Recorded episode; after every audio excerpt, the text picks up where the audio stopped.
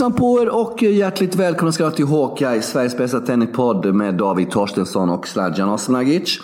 David, det är måndag morgon när vi spelar in. Vi hade lite Kolmården-besök förra veckan så vi kör två avsnitt den här veckan istället, eller hur? Inga konstigheter. Det är väl härligt. Eh, ja, vi, vi försökte klämma in ett avsnitt förra veckan men så kom vi fram till att nej, vi tar det lugnt och så kör vi poddfest den här veckan istället. Det kommer ju folk älska, eller hur? Mm. Din, du och din familj har ju då en årlig tradition av att vara fara till Kolmården med barnen så alltså de får uppleva det. Och vi som följer dig på bloggen vet ju mycket du älskar att göra. Att ha aktiviteter på gång med barnen. Särskilt då när det innefattar resa på över kanske en timme bort hemifrån huset. Då, då. Hur gick det den här gången kände du? Ja men det gick ganska bra. Det, var ju, det är ju egentligen jag som vill åka till Kolmården. Det är ju inte barnen. De skiter egentligen i det. Det är jag som vill åka och titta på djuren sådär. Ja, indirekt det är ju min resa. Men Eh, nej men det gick väl rätt bra. Det var ju fruktansvärt varmt. Så det var ju nästan så att det inte gick att gå på djurparken. Då. Det var ju 32-33 grader. Så det var ju lite misslyckat sådär. Men det går ju inte att pricka in bra väder. Antingen regnar det eller så är det kallt eller så är det varmt. Så det var ju det var tvunget att bli av helt enkelt. Och eh, jag fick se några. Jag åkte den här läskiga linbanan. Väldigt väldigt högt sladjan. Det är lite för mm. högt för min smak. Men nej det gick bra. Jag, jag klarar mig. Okej, okay, inga konstigt.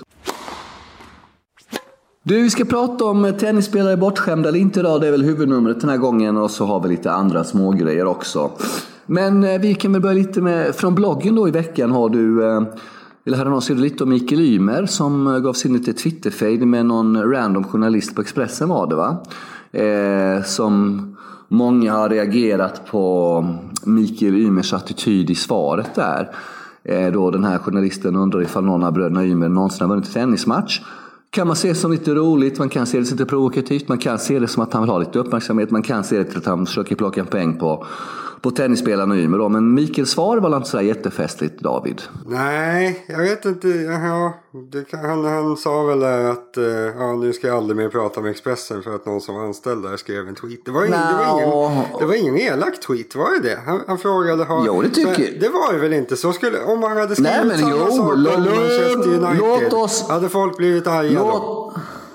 Låt oss återberätta vad han svarade Mikael först istället. För den återgav du inte så jättebra när han hoppades att, att eh, eh, den här journalisten skulle bli filmad. När han talade om för Expressens VD att Mikael Ymer inte gör en intervju med Expressen på grund av honom. Det är ju jävla snurrigt, är det inte det? Jo. Det är väl mest det liksom. Eh, har, har Expressen liksom, en VD? Eh, ja det har han säkert, men det är väl säkert sportchefredaktören han får prata om. Skitsak samma. Eh, och, och, och, och, vad menar Mikael med sen? När han blir topp 50 eller topp 100 eller topp 20? Eller vad han, vad han vill liksom... Ja, sen när Expressen eventuellt vill prata med honom. Då ska han säga att det var en, en gång en kille som skrev en tweet om där han frågade om jag hade vunnit en match. Nej, han vill se en film. Han vill ju se en film på den ja, ja. journalisten. Men det var ju det som var anledningen alltså... till att han skulle. Han ville ju se den här filmen. Han, det var ju bara som att han ville se det här hända. Han, han betonade ju då att jag kommer aldrig ge en intervju så det blir kul när du ska berätta det för din, din vd där.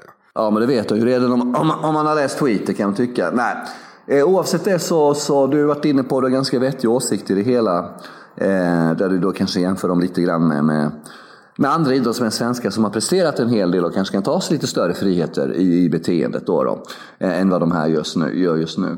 En annan sak innan vi går in på det med eh, debatten om tennisspelarna. Men det gick bra för honom förra veckan Sladjan. Han vann ju i Tammerfors. Ja! Nu är han nästan topp 100.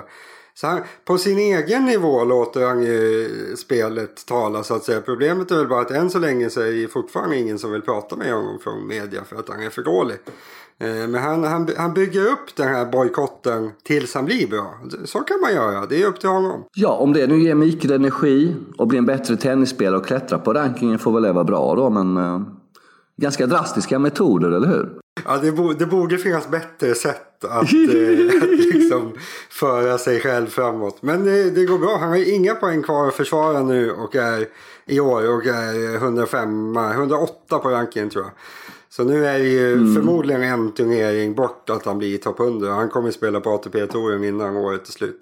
Så det blir väl lite kul. Mm. Även om man uppför sig tveksamt så är det väl bra att vi får en svensk där. Det är ju mycket bra. Ja, absolut. Apropå tveksamt. Är det så enkelt att vår kära vän Nick Kyrgios är en simpel hater? Nej. Ett simpelt litet nättroll. Nej, men titta på honom. Titta är ju ganska bra. Det är ganska bra. Han, han är troll. Både i verkligheten och på nätet. Ja, men titta på honom. Du vet när han... Eh, ja, när han får sina utbrott och folk lackar på honom och kallar ju kritikerna för sina haters. De är bara hatar, de får bara energi av att hata honom. Så tittar man på hur han beter sig mot uh, världens bästa tennisspelare Novak Djokovic. Nu var det en incident i Atlanta förra veckan när han då vägrade skriva en autograf till en kille som var autografen hade en Lacoste Novak t-shirt på sig. Han kryssade över eh, loggan. Eller vad det nu var, precis. Ja, är det mycket bättre tycker du? Tycker du... Du, du är ju troll av rang det här. Alltså, det börjar bli patetiskt. Jag, kommer jag in som någon slags expert på nättrollande här? Som ska förklara Nej, det, det, det, kom, den kopplingen gör du själv. Den kopplingen gör du själv. Men ärligt, vad håller han på ja, med pojken? Alltså på riktigt Det här alltså. tycker jag är faktiskt är lite, lite roligt. Och sen måste jag säga också att när jag skrev om det här tidigare i veckan. Alltså, jag tycker att allt han gör är ju bara löjligt, patetiskt. Han, han är ett skämt liksom. Men det som jag faktiskt gillar med det. Det är att han, han kör ju verkligen sin linje. Även om det liksom går ja, emot och han blir mer och mer illa omtyckt. Han får liksom frågor om vad, vad fan uppför dig. Så här, vilken annan normal människa hade ju ägnat kvällar och nätter åt att tänka till lite. Att vad fan håller jag på med? Men han skiter i Han bara kör. Han fortsätter ju uppföra sig liksom som en, som en tioåring. Och det är väl lite härligt på något sätt. Och just det här var väl lite roligt. Jag vet inte. Det, det är ju tioårsnivå. Men det är ju på något sätt, jag vet inte, det är lite roligt. Sen för, problemet för hans del är att Djokovic är inte med på den här fejden överhuvudtaget. Utan att Kyrgios har ju en fejd med Djokovic, men Djokovic vet väl knappt vem Kyrgios är om man ska hårdra det. Så ehm, ja, det är lite halvlöjligt men eh, ja, det, det, blir lite roligt ibland. Och framförallt är det ju bra. Vi behöver ju folk att tycka illa om. Det är ju sjukt bra. Det borde finnas fler, fler idioter inom tennisen. Jo, eh, men eh, han skulle kunna göra det på ett mer sofistikerat sätt. Djokovic, eh, enligt något pratcitat har du kommenterat detta, att han har ingenting emot... När eh, fanns det ingen hänvisning, men han... Eh, Ingenting emot eh, Kyrgios, att han försökte hjälpa Kyrgios i början av Kyrgios karriär. Är det någonting som har hänt där? Att Kyrgios kanske inte ville ha råd eller hit och dit om vi ska spekulera. Och man blir ju ganska nyfiken på vad som händer och springer på varandra i omklädningsrummet under en Grand Slam. Liksom. En, sak som jag, en sak som jag är nyfiken på med det, det är att Kyrgios älskar ju Federer, eller hur? Han skriver ju sådana här kärleks-tweets ja. till Federer hela tiden.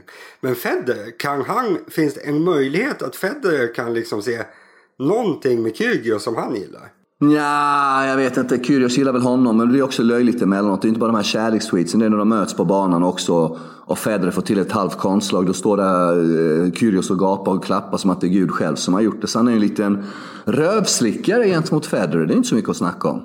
Det är honom och de här tre han har valt som sin bundsförvant. Och i och med att han fick vara med i första Labour Cup dessutom och sådär. Och även andra upplagan. Va? Eh, så det är väl de två bondat. Eh, Medan han har inte sådär jättegott öga till Novak och inte till Nadal. Eh, ja. Så jag vet inte vad Kyrgios håller på med riktigt, men det blir ganska osympatiskt. Jag menar, ett småbarn kommer med en t-shirt sådär liksom. Jag menar, killen gillar ju tennis liksom. Kommer det att få en autograf av den här clownen liksom? Ja, det var det som var, han kanske liksom. inte ville ha sin tröja förstörd. Kan man ju eh, gissa. Det var Nej, det var väl inte därför han köpte den förmodligen. Så att jag menar liksom...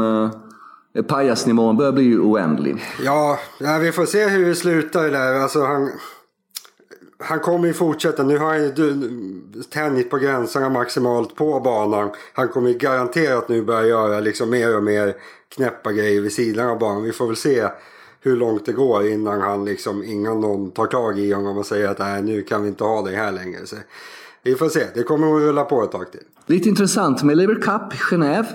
Eh, Kyrgios är inte en av de klara för världslaget medan så Raffa är klar för Europalaget. Novak kommer inte spela vad vi vet.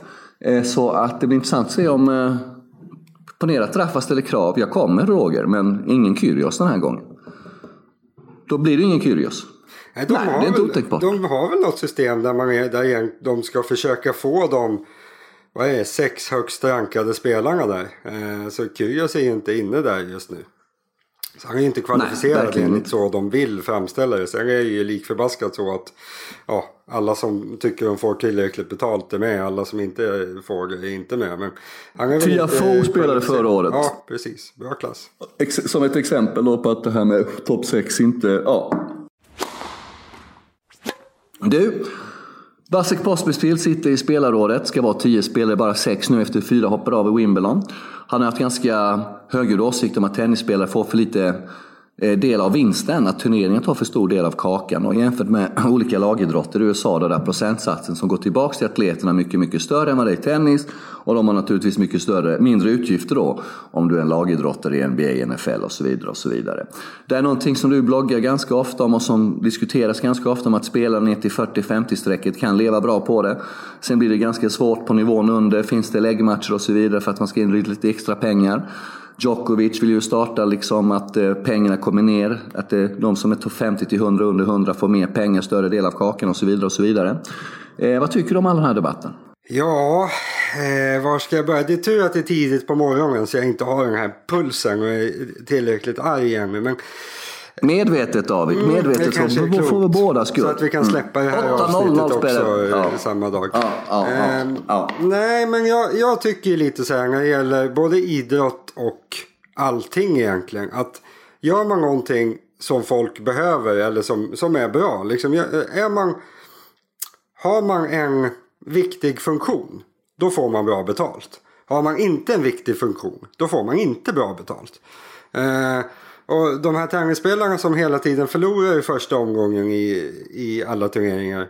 Eh, på ATP-touren och i synnerhet i Grand Slams. Eh, de har ju ingen viktig funktion, inte överhuvudtaget. Eh, att de då tycker att de ska få mycket mer betalt än vad de redan får för att förlora sina tennismatcher. Det tycker inte jag är så bra. Eh, för ja, du nämnde det här med läggmatcher. Det är ju, alltså att man får betalt överhuvudtaget i tennis för att förlora är ju jättedåligt. För då kan man dels få betalt av turneringen för att förlora. Och så kan man ta betalt av någon som vill veta att man förlorar på andra hållet också. Om man inte fick betalt, ja då skulle inte det vara lika intressant kanske. Eh, så jag tycker att det är jättedåligt. Jag tycker att det vore det är hur bra som helst att folk har chansen att tjäna pengar, även om lite sämre spelarna. Det, så ska det absolut vara. Men de ska bara få betalt de gånger de vinner matcher. Det är hur enkelt som helst. Jag gör ju alltid jämförelsen med golfen. Som är den mest närbesläktade idrotten skulle jag säga. Individuell idrott. Eh, funkar ungefär på samma sätt som tennis. Eh, och de, då får ju hälften av spelarna i varje turnering inte betalt. De åker ut efter två dagar och får inte en enda krona. Det blir minusveckor. Men det är inte som att de går och klagar över det. För de vet ju att när jag väl kommer högre upp nästa vecka. Ja, men då får jag mina pengar. Precis som de här som klagar över att de inte får bättre betalt för att förlora i första omgången i Wimbledon. De skulle ju få bättre betalt i US Open när de vinner en match då. Så jag förstår inte det här. Varför ska man få så mycket betalt för att förlora Zlatan? Berätta för mig. David, David, David, David. Det är en sak, det är en sak. Men nu vad Pospisil fokuserar på och där spelar det är att turneringen ATP får betydligt större del av vinsten på ställt sätt än exempelvis NBA, NFL och de här andra jämförbara, vad de tycker organisationer så att säga. Va? Fast det är ju inte jämförbart för det är ju lagidrotter. Det går inte att jämföra. Förvisso, förvisso. Men kan det finnas en liten poäng i det då? Jag menar, han byter handla då. Jag menar, för dig nu, det kan väl då göra att man inte får eh, pengar när man förlorar match. Men du kan få mer pengar då när du vinner match istället. Mm. Ja, nej, det skulle ju vara jättebra. Det skulle ju de här aldrig vilja. För de vill ju ha sina pengar utan att behöva vinna för att de är så jävla dåliga. Men Mm. Ja, jag vet inte. Jag, jag, tror inte att det är något större problem med mängden prispengar egentligen. Jag menar, det, det de får för att vinna Grand Slam-turneringar numera det är mellan 20 och 30 miljoner svenska kronor. Det finns ju nästan Jo David, men det är tre spelare pengar. som vinner Grand Slam-turneringar. Det är tre spelare som vinner Grand ja, Slam-turneringar. Då, då är det enkelt. Om, Om Djokovic tycker att de får för dåligt betalt då kan väl han bara säga att nej, jag vill bara 10 miljoner för att vinna en Grand Slam. Så kan Pospisil få en miljon för att förlora i första rundan. Det är väl jätteenkelt. Men det är just det här. Men då betalar ju fortfarande turneringarna den största delen av ja, kakan och spelarna mindre. Så är, så är det väl alltid. Att den som äger grejer tar väl alltid största delen av kakan. Men de äger ju det tillsammans ju. Inte det är det som är grejen. Ja, ITF är ju som arrangerar Grand Slam-turneringar. Det är väl här det blir lite ja, problem på ATP, Där just ATP är ju så att där Där, där det ägs ju av spelarna. Ja, precis. Och där vet det fan om turneringarna är så feta. Alltså de här Båstad och alla de här turneringarna. De tjänar inga miljarder kan jag säga. Och de betalar ju ganska bra. Där får man 40, 50, 60 tusen för att torska i första rundan. Och man får en miljon för att vinna ungefär. Det, är vad de turneringarna har. Det är inte som att de får in och liksom låtsaspengar från något håll som man inte vet om. De måste ju tjäna sina pengar. Eh, som liksom genom att, att få in dem på sponsorer och grejer. Sen eh, en annan sak som man skulle kunna göra såklart som eh, det där också hänger ihop med. Det är att jag såg att Pospisil hade tagit som exempel att Berrettini som var rankad 20 tror jag när han kollade hade tjänat 8-9 miljoner i år någonting. Det man då ska veta är att det är 8-9 miljoner i prispengar. Men han får kanske en miljon, en och en halv miljon när han ställer upp i en 250 turnering. Så han har säkert dragit in lika mycket pengar på att bara ställa upp i turneringen. Om man tog bort de pengarna så kanske de sämre spelarna skulle få lite mer också. Så det finns saker som jag absolut skulle vilja ändra på. Som det här att spelarna får alla pengar som folk får utan att behöva pre- pre- prestera är ett problem. Det, det man får för att förlora i första omgången är dåligt och det man får för att ställa upp i turneringarna är mycket dåligt. Det är ju många som tycker att, eh, hur ska man uttrycka det? Eh, nu tappar jag bort mig lite här David, faktiskt hade en jättebra följdfråga. Du får nog klippa här lite Kevin tror jag. Eh, fan också, fan också. Jo, vi börjar om här. Jo, David, eh, det är väldigt mycket utgifter för tennisspelare också. John Isner skrev en artikel inför Wimbledon om hans utgifter där. Och eh, det är ganska unikt, man kan ju inte hyra hus för tre dagar. Eftersom du vet inte om du stannar där i två veckor. Så du måste hyra för två veckor. Du har din fysio, du har din tränare, det är massa jädra folk. Eh, men eh, är det någonting du upplever som ett problem? Ja, jag, alltså, det, på ATP-touren så får ju folk hotellet betalt. Som om vi tar, fortsätter ta Båstad som ett exempel så får man ju bo där på Men nu är det Grand Slams då, då liksom, när man ska det kanske är så att de inte och- har något. Jag är ju dåligt insatt där. Men det, det kan stämma som Isner säger att han måste hyra ett hus som han säger. Eh, jag vet inte, kan, kan inte Isner bo på hotellsladja? Måste han hyra ett hus i närheten av eh, Wimbledon? Nej men Novak gör det, han hyr hus Ja, och sen men det är väl frivilligt. innan Han match skulle så... väl om han ville hålla Jo, ner men- på kostnader kunna bo på ett hotell. Ja, men får jag berätta klart bara? Jag var inte ens klar. Men natten innan match, som innan final mot Roger, tar han in på hotell då, och så han är helt ensam och familjen och de andra är kvar i huset. Och det, det, är rätt, det gillar man lite, den attityden. Men vad tror du om det här i slutändan? Kommer Djokovic och company och Pospisil lyckas få till en förändring? Nej, det tror jag inte. Alltså, de Att som, större del av kakan Ja. kommer till spelarna? De som bestämmer är ju de som får dem. Alltså, det är de bra spelarna som bestämmer. Så är det ju alltid. Om de säger att det ska vara så, då ska det vara så.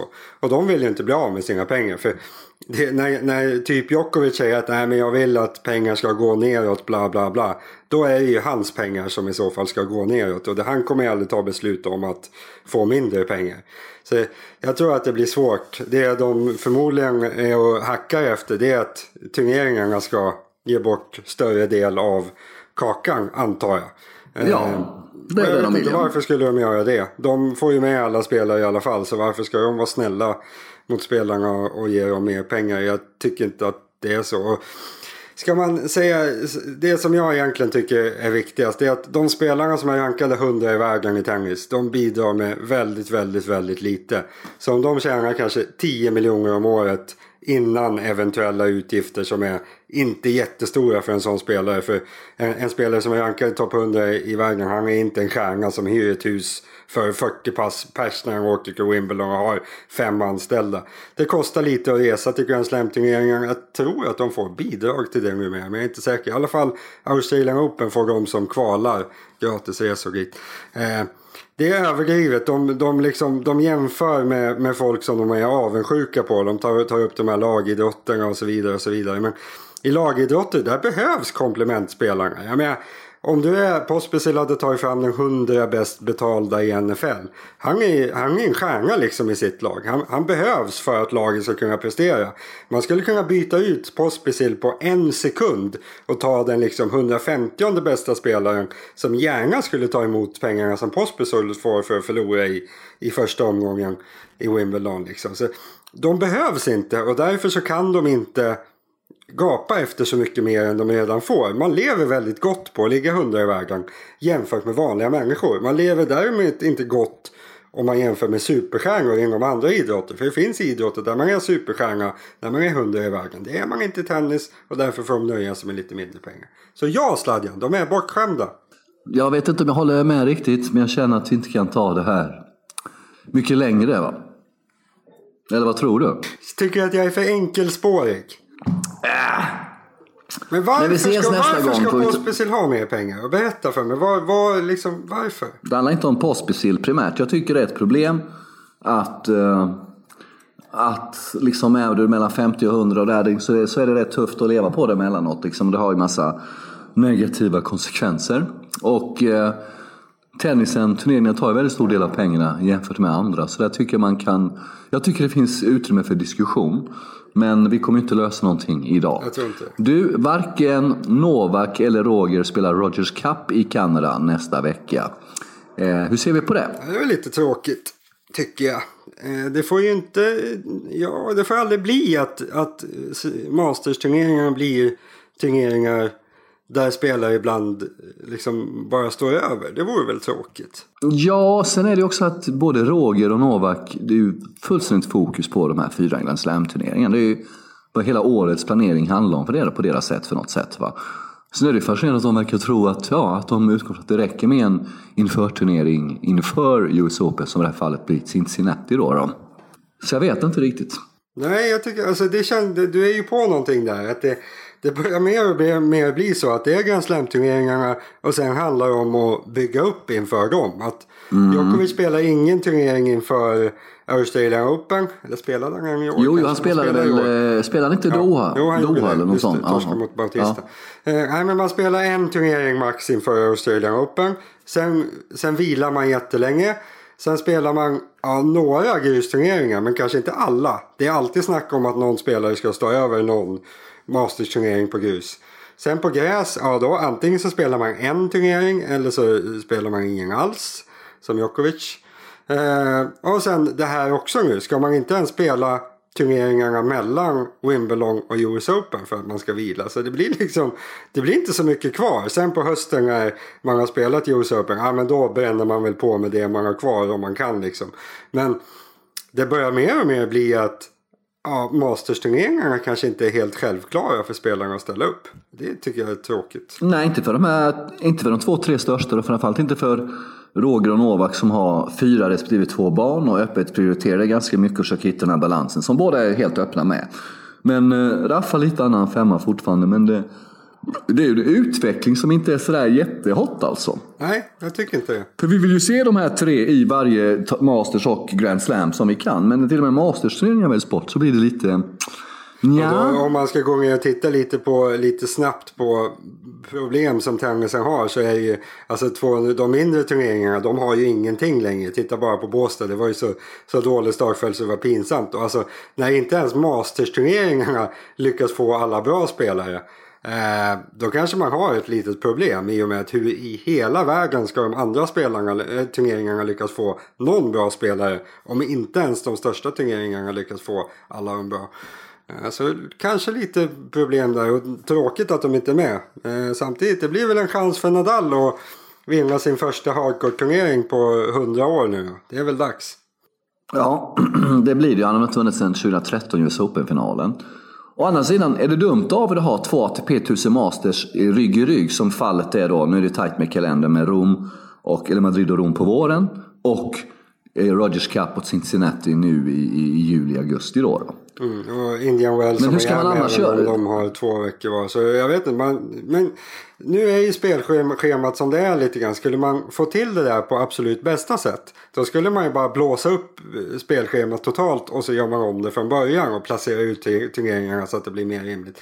Men det jag tror också är att jag tror att det är spelarna som vill ha det så här också. Eller i alla fall har velat ha det så förut när man bestämde var turneringarna skulle ligga. Att de inte vill ha veckor mellan Masters-turneringarna. För då måste de vara vara i USA och hänga där en hel vecka. Istället för att raska av eh, Masters-turneringar plus eh, US Open på en effektiv månad. Liksom. De vill inte vara borta längre. Så, jag vet, det är nog svårt men jag tycker att de borde kunna spela de där turneringarna. Jag tycker inte att det borde vara så jäkla jobbigt. Men vill de inte så vill de inte. Så är det ju också. Att det, det måste ju vara tillräckligt attraktivt att spela för de bästa helt enkelt. Och det kanske inte Masters-turneringarna är längre. Det kanske är för lite poäng eller för lite pengar eller vad, vad det nu är. Eh, de får ju inga startpengar i de där turneringarna så det blir inga pengar för dem. Det är väl 3-4 miljoner för att vinna den där. Eh, om Federer skulle spela en mindre turnering får han 10 miljoner typ. Så det är ju också lite snedvridet kanske. Men eh, ja, tråkigt att de inte är med tycker jag. Mm, ja, det är skittråkigt. Andy Murray spelar trots allt dubbel i Washington. Efter Wimbledon han att han inte skulle över till eh, USA-delen av touren och spela på hardcourt.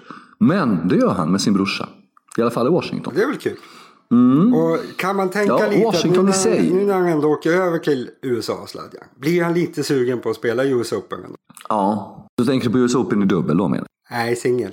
Nej, men det kommer ju inte hända. Tror du det är helt omöjligt? Den är ju inte mogen för. Ja. Det kanske bara är jag som Tror du att det är möjligt? Jag tror att det är möjligt. Eh, eller möjligt. Inte, huruvida det är möjligt rent fysiskt, det vet jag inte. Men jag tror att det är klart möjligt Mm. att han kommer börja bli väldigt, väldigt sugen på att spela singel. För nu blir det ganska länge ändå. Han började träna och spela inför Wimbledon. Mm. Flera veckor inför Wimbledon. Nu har han tränat lite efter det. Nu kommer han vara i USA då. Jag antar att han tänker spela Masters-turneringen också. Kommer han vara där en hel månad innan US Open. Tänk om man börjar känna sig lite bättre liksom. Varför inte prova? Inte Men tränaren är en singel. Vad sa du? Tränaren är en singel. Alltså jag har förstått som att han knappt har börjat träna nu. Men jag det vet man inte. Det kan man tränar, man tennis så tränar man tennis. Det är klart han, han, tränar, han, han tränar inte singel på, på det sättet. Nej. Men han, liksom, han kör fys. Och han, han står på tennisbanan. Han kommer ju börja bli sugen sen. Jag tror inte att han kommer spela US Open i singel. Men jag ser väl en liten, liten chans till att han i alla fall skulle bli sugen på att testa. Ju längre han spelar dubbel och ju längre han tränar, ju mer han känner att äh, men det här funkar ju ganska bra. Då borde han börja bli mer sugen. Men äh, han kommer ju inte kunna hålla någon slags nivå till det där. Han har ju varit borta lite för länge. Och är ju inte, jag vet inte om han kan röra sig fortfarande i sidled liksom. Men, mm, man kan ju ha i bakhuvudet i alla fall. Mm. Väldigt starka scener förra året han spelade i Washington om vi kommer ihåg den här nattmangningen Just mot eh, Coppill, rumänen. eh, Som tog över tre timmar. därefter, va? Ja, ja, han, ja, precis. Han grät ju då efter matchen. Han satt där på sin stol. Liksom. Och så jävla mycket tårar som kom ut i lättnad. Det var oerhört starka scener. Så du säger lämnade walkover till nästa match och sågades ganska kraftigt av Washingtons turneringsgeneral efter det. Men det är fint att han är tillbaka då med brorsan Jamie i år. Och så kan de röka fredspipa han och turneringsgeneralen. Storsint av honom. Ja, har vi lite slutsegrar? Odds att represent- representera från Betthard angående Washington. Har du lust att ta fram dem? Kan du ta fram dem? Eller ska jag ta fram dem? Jag kan ta fram dem, men det kommer ta 15 Vad sekunder. mäktigt. Så du får berätta någonting väldigt viktigt för våra lyssnare. Inte väldigt, väldigt viktigt, men eh, Srdjan Djokovic har varit ute och sagt dumheter igen. Han gör ju det med jämna mellanrum jugoslavisk press. Jag vet inte om citaten är korrekta heller. Liksom det är en tidning som heter Kurir här som är oerhört äcklig och snuskig faktiskt. En riktig jävla skittidning är det. Men eh, äcklig agenda, ja. De har så äcklig agenda och allt är anti-England och, Och det allt det där hit och eh, dit. pappa, och, eller hur?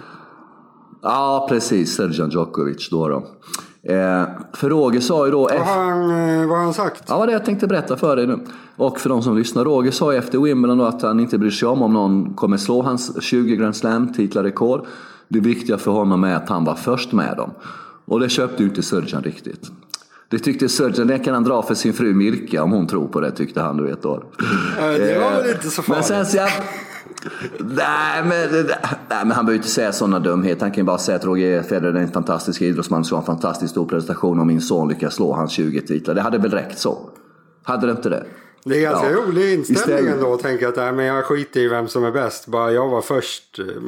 Jag, jag var först med att vinna Vasaloppet. Sen kom det någon som vann 20 gånger. Men jag var fortfarande bäst för jag var först. Ja, men det tror jag att Roger hade... Om, om, om, om, om Raff hade stått på 12 Grand Slams och Novak på 10 tror jag inte han hade sagt så. Kanske inte. Eh, nej, det tror jag faktiskt inte. Eh, så att... Eh, ja, sen massa saker. Liksom, han kommer ta alla rekorden. Alltså Novak... Kan inte vara lätt att ha den här idioten som pappa. Alltså, det kan inte. Han är så jävla dryg och, och jobbig och besvärlig. Ja, vad har vi för odds då? Berätta. eh, favorit Tsitsipas 7,75. Du, David, är inte han inne i en jävligt viktig fas? Alltså, du vet, Montreal förra året, gick till final, torskade mot Nadal och slog väl igenom på den riktigt stora scenen där då liksom. Eh, intressant tid, för han är ju som bäst på hardcourt. Absolut. Så det är jädra intressanta veckor fram till US Open för hans Det är väl att han, han är ingen, inte någon, i någon kris poängmässigt. Utan även om han floppar i Montreal som det är nu och tappar alla de där poängen så kommer han ligga rätt bra till ändå. Han är nästan klar för slutspelet redan och ska mycket till för att han inte ska komma landa topp 5. Men om han presterar och får behålla de där poängen då skulle jag väl säga att han är cementerad topp 4, topp 5 helt plötsligt. Så absolut, han har liksom intressant eh, att han är favorit, klar favorit i Washington. Det är lite psykologi i det också att komma tillbaka till en turnering där du gjorde det jävligt bra och du presenterar dig på den stora scenen och upprepar det. Det ger jävla mycket självförtroende och styrka. Det är mer det jag vill se hos Tsitsipas. Vi vet att det funkar poängmässigt och han är i princip klar för London och allt det där. Men för vi pratar om en framtida, möjligtvis framtida världsetta om de här slutar i sinom tid. Då, de, de som är överlägset bäst just nu. Vad har vi mer förutom Tsitsipas? se, försvarar han någonting från Washington? Han kan ju plocka eh, väldigt fina extra. Ja, han försvarar semifinal där. Eh, Kevin Andersson är med, andrahandsfavorit. Medvedev, mm. tredje. Mm. Raonic är med, Isner är med, Kachanov, Silic, Ojar, Aliasim, Kyrgios, Deminaur, Goffin och Pelka. Det är jävligt jämnt där kan jag säga. Songa, Evans, Edmund, Struff. Rublev, Per, ja där får man väl dra gränsen. Men jäklar vad många det är som är nästan jämna i den här turneringen alltså. Men du, Cilic, vilket jävla skitår han har alltså. Ja, det är tragiskt. Eh, han är väl, är han topp 50 på rankingen i år? Det är precis på gränsen tror jag. Ja, han har rasat, men det, det, är inte bara liksom, han, han har ju tappat sitt spel. Han kan inte spela riktigt. 66 är han i år på rankingen. Ja, Ja, helt otroligt. Vad ligger Mikael Ymer i jämförelse? 80, så han är väl eh, ja. Ja, några poäng eh, efter. Han är alltså ja, 100 poäng efter Cilic. Ja, men då är ju tips av Expressen om en artikel. Ymer är snart bättre än Cilic i år. Bara det är ju ingen dundergrej. Det är inga konstigheter. Kan du göra intervjun med Mikael. Vi frilansar lite. Vi ställer upp, inga konstigheter. Ja, det blir klart. Vem, eh, vem tar du som eh, Washingtons slutseger, Sladjan? Andersson har ändå varit lite för mycket skadad och sådär liksom. Inte uppe i flowet. Tsitsipas, jätte, jätte, jättespännande. Men jag vet inte om han är redo att vinna turneringen riktigt. Det är också intressant att han är första favorit och högsidad i startfältet och han svarar upp på det så att säga. Men äh, Isner är alltid farlig på amerikansk mark, det vet vi, ju, eller hur? Inga konstigheter. Äh, jag säger John Isner gör jag. 10,75. Vem säger du? Jag har, nu har, medan du pratade där har, har jag hunnit bestämma mig för tre stycken och byta igen. Och vad? Okej. Okay. Eh, Spännande. Vilka blir det då? Jag landade på eh, Medvedev. Aha. Han är... Mm, haft ett jättebra år. Han är bra. Han är topp 10 nu och det känns som att han, han är mm. liksom så bra. Tsitsipas, eh, när han står i en så pass klar favorit, äh, då litar jag inte på honom. Han var, han var ganska fladdrig på gräset faktiskt. Andersson som du säger skadad mycket, kanske inte helt tillbaka. Raonic var jag lite inne på. Men är han så jävla bra verkligen? Det var, nej. Nej, han är ju, finns ju ingen tråkigare spelare att titta på. Ärligt talat. Det är så nej, tråkigt är, att titta det på honom. Det är sömnigt. Alltså klyschan att det är roligare att titta på målarfärgen. Eh, eh, är ju, torka är ju nästan roligare att titta på Raonic. Alltså, det är så tråkigt. Det är sån det tid liksom som det tar. Puls. Det, blir bara, det är bara servande och så är det sengångeri. Ja. Det, är liksom, det händer ingenting. Eh, om, jag, om jag skulle ta ett högre odds, jag vill, jag, vill, jag vill nämna en till. Om jag skulle ta ett högre odds, då hade jag tagit Songa. Songa, Songa, Songa, Songa. Vad ger han? Vad ger han? Kyrgios står i 16. 16,50 på Kyrgios, 26 gånger på eh, Songa. Jag har inte Songa varit tillbaka ganska länge från skadan nu? Jo, inte ganska länge men alltså, ett tag. Det var, det var ganska länge sedan han var skadad egentligen. Mm, men det är väl nu han börjar hitta sig. Tillräckligt länge för att han ska kunna vara bra Ja, igen. det kommer nog i höst tror jag. Han kommer vinna någon liten inomhusturnering i Frankrike i höst. Eller någon av de här i Metz eller vad det är efter US Open. Där, liksom. där tror jag han kommer. Och så går han till semi i Paris och så blir det ganska bra säsong. David, vi kör ett nytt avsnitt av Hockey redan på fredag. Nu är det måndag. Uh, lyssna på oss. Eh, vi finns ju även på Twitter och sånt där och eh, Instagram. Där heter vi där Hawkeye Underline Podcast va? Ja, och eh, mail? Eh, lyssnarfrågorna, lyssnarfrågorna sparar vi till nu på fredag så ös in dem. Det är då hawkeye at bethard.com. Då kör vi ett avsnitt på fredag också då inför Montreal och helgen i Washington där det ska avgöras. Och så vidare och så vidare. Ja. Ha en härlig måndag vecka allihop så hörs vi om några dagar. Tack David, tack till alla som har lyssnat. Hej hej!